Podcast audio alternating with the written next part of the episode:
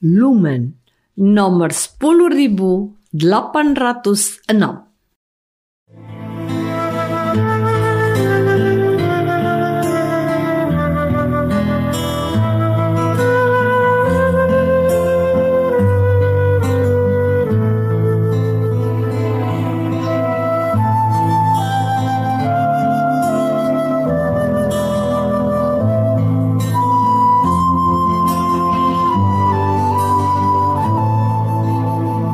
Saudara pendengar di segenap penjuru tanah air, selamat bergabung dengan Lumen Indonesia. Lumen Indonesia siap melayani Anda setiap hari. Saudara terkasih, marilah kita bersatu dalam Tuhan kita Yesus Kristus yang tidak berubah dahulu, sekarang, dan selama-lamanya. Allah Sang Maha Rahim mengasihi dan menerima sebagaimana adanya kita Allah Bapa kita di surga senantiasa bersedia menolong, menghibur, dan meneguhkan kita dalam menghadapi segala permasalahan hidup sehari-hari.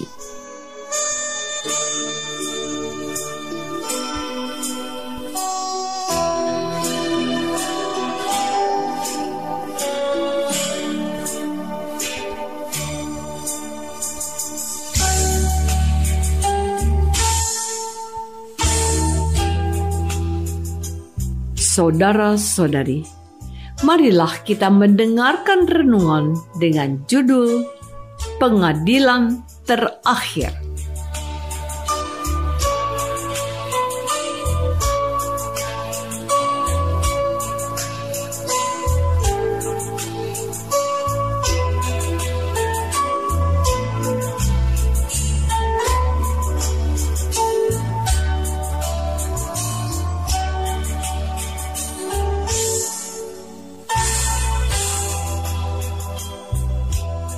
Yang berdasarkan pada Injil Matius bab 25 ayat 45.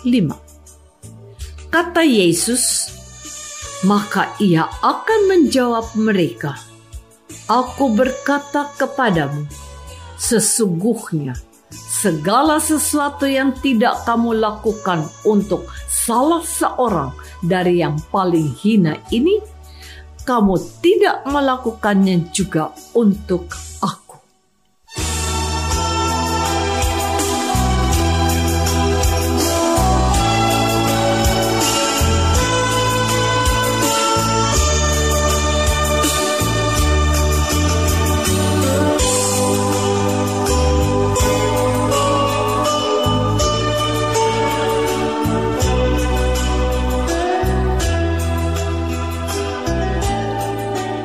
Dalam nama Bapa dan Putra dan Roh Kudus.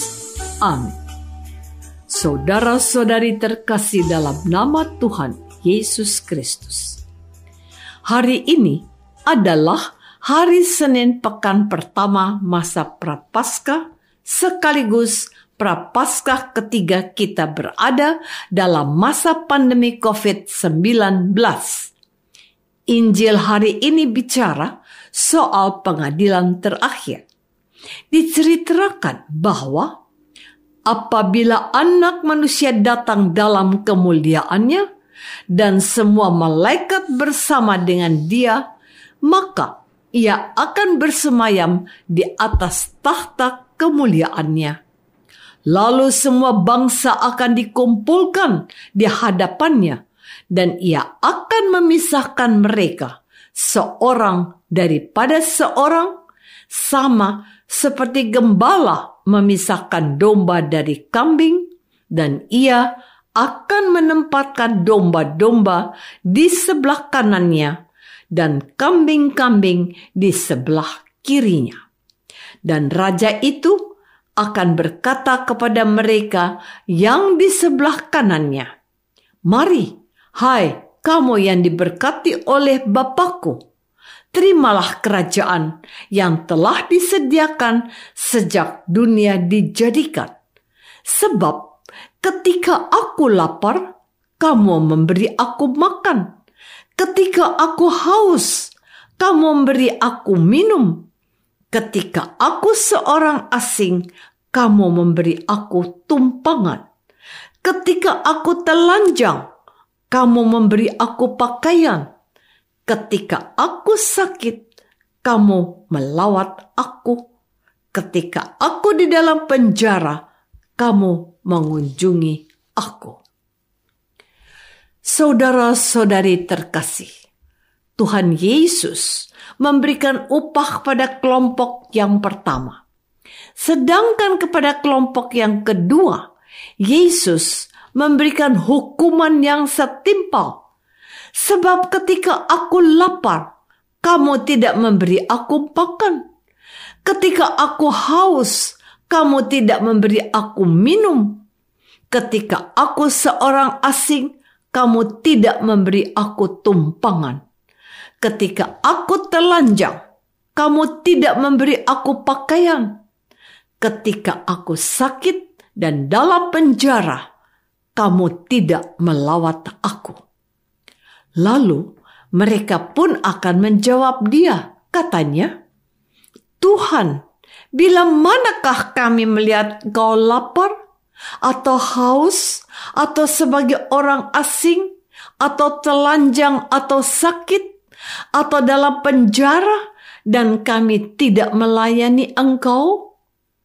Maka ia akan menjawab mereka, Aku berkata kepadamu, sesungguhnya segala sesuatu yang tidak kamu lakukan untuk salah seorang dari yang paling hina ini, kamu tidak melakukannya untuk aku.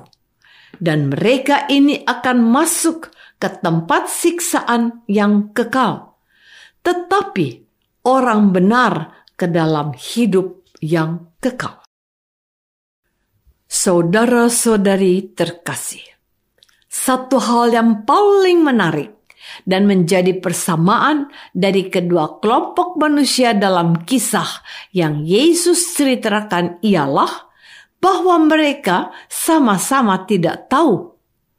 Kelompok pertama, yakni kelompok para domba, sebagai gambaran dari para pengikut Yesus dan semua umat manusia yang berbuat baik dan menolong mereka yang lapar, haus, seorang asing, telanjang, sakit, dan terpenjara. Namun, mereka tidak sadar dan tidak tahu bahwa dengan cara yang sedemikian sederhana, mereka telah melakukan sesuatu yang besar dan bernilai kepada Yesus. Demikian pula kelompok kedua, yakni kelompok kambing sebagai gambaran kepada para pengikut Yesus yang tidak berbuat baik dan tidak menolong sesama manusia yang lapar, haus, seorang asing, telanjang, sakit, dan terpenjara. Kelompok kedua ini juga tidak sadar dan tidak tahu bahwa dengan sikap mereka yang tidak peduli dan mau menolong sesama, mereka secara tidak langsung telah mengabaikan dan menghina Yesus yang hadir dalam diri orang sakit, asing, lapar, dan lain-lain. Dari dua kelompok ini, tentu menjadi pembelajaran supaya hati-hati dalam bertindak. Sebab kita terkadang cuma menolong orang tertentu dan mengabaikan yang lain. Saudara-saudari terkasih, pada pengadilan terakhir, kita tidak ditanya jabatan dan kedudukan kita. Kita juga tidak ditanya pendidikan dan usia masih anak-anak, remaja, muda, atau dewasa yang dinilai adalah perbuatan kita. Dengan demikian, pengadilan Allah berlangsung secara adil dan terbuka. Tidak ada yang bisa kita tutupi atau kita sembunyikan, karena yang dinilai adalah perbuatan kita maka setiap umat manusia dapat melakukannya, termasuk orang-orang yang tidak pernah sekolah, tidak bisa baca, dan tidak bisa menulis, tidak bisa melihat dan tidak bisa mendengar orang yang lumpuh dan miskin.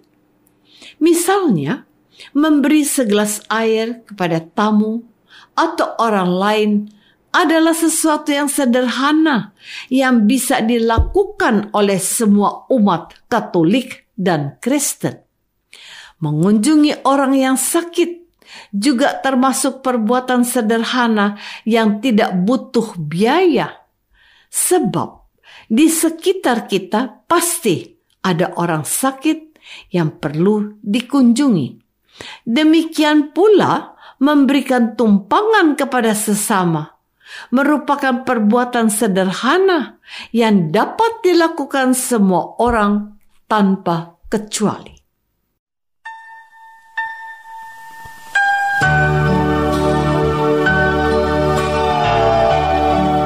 Saudara terkasih, marilah kita masuk dalam saat hening sejenak untuk meresapkan renungan yang baru saja kita dengar bersama dalam kehidupan iman kita masing-masing.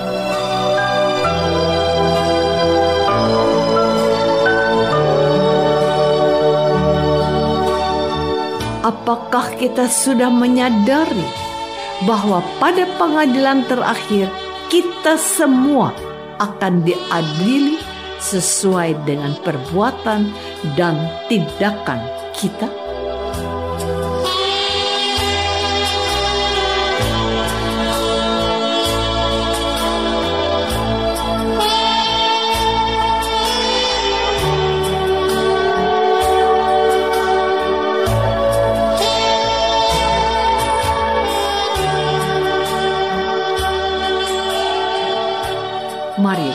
Kita berdoa.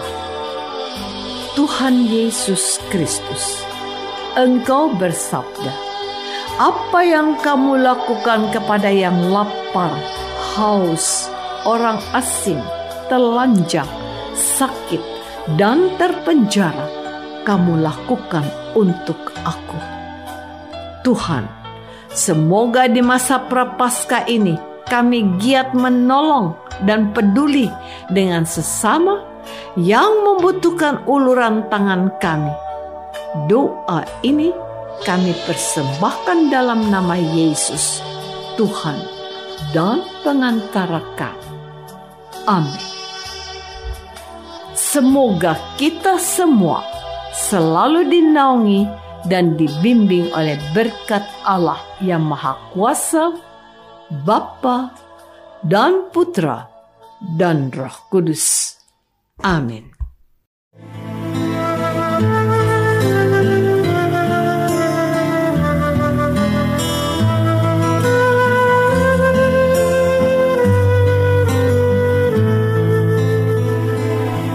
Dengan penuh kasih dan sukacita, Lumen Indonesia mengundang saudara-saudara seiman di segenap penjuru tanah air – Sekiranya ada tanggapan ataupun saran, kirimkan surat Anda ke Lumen Indonesia.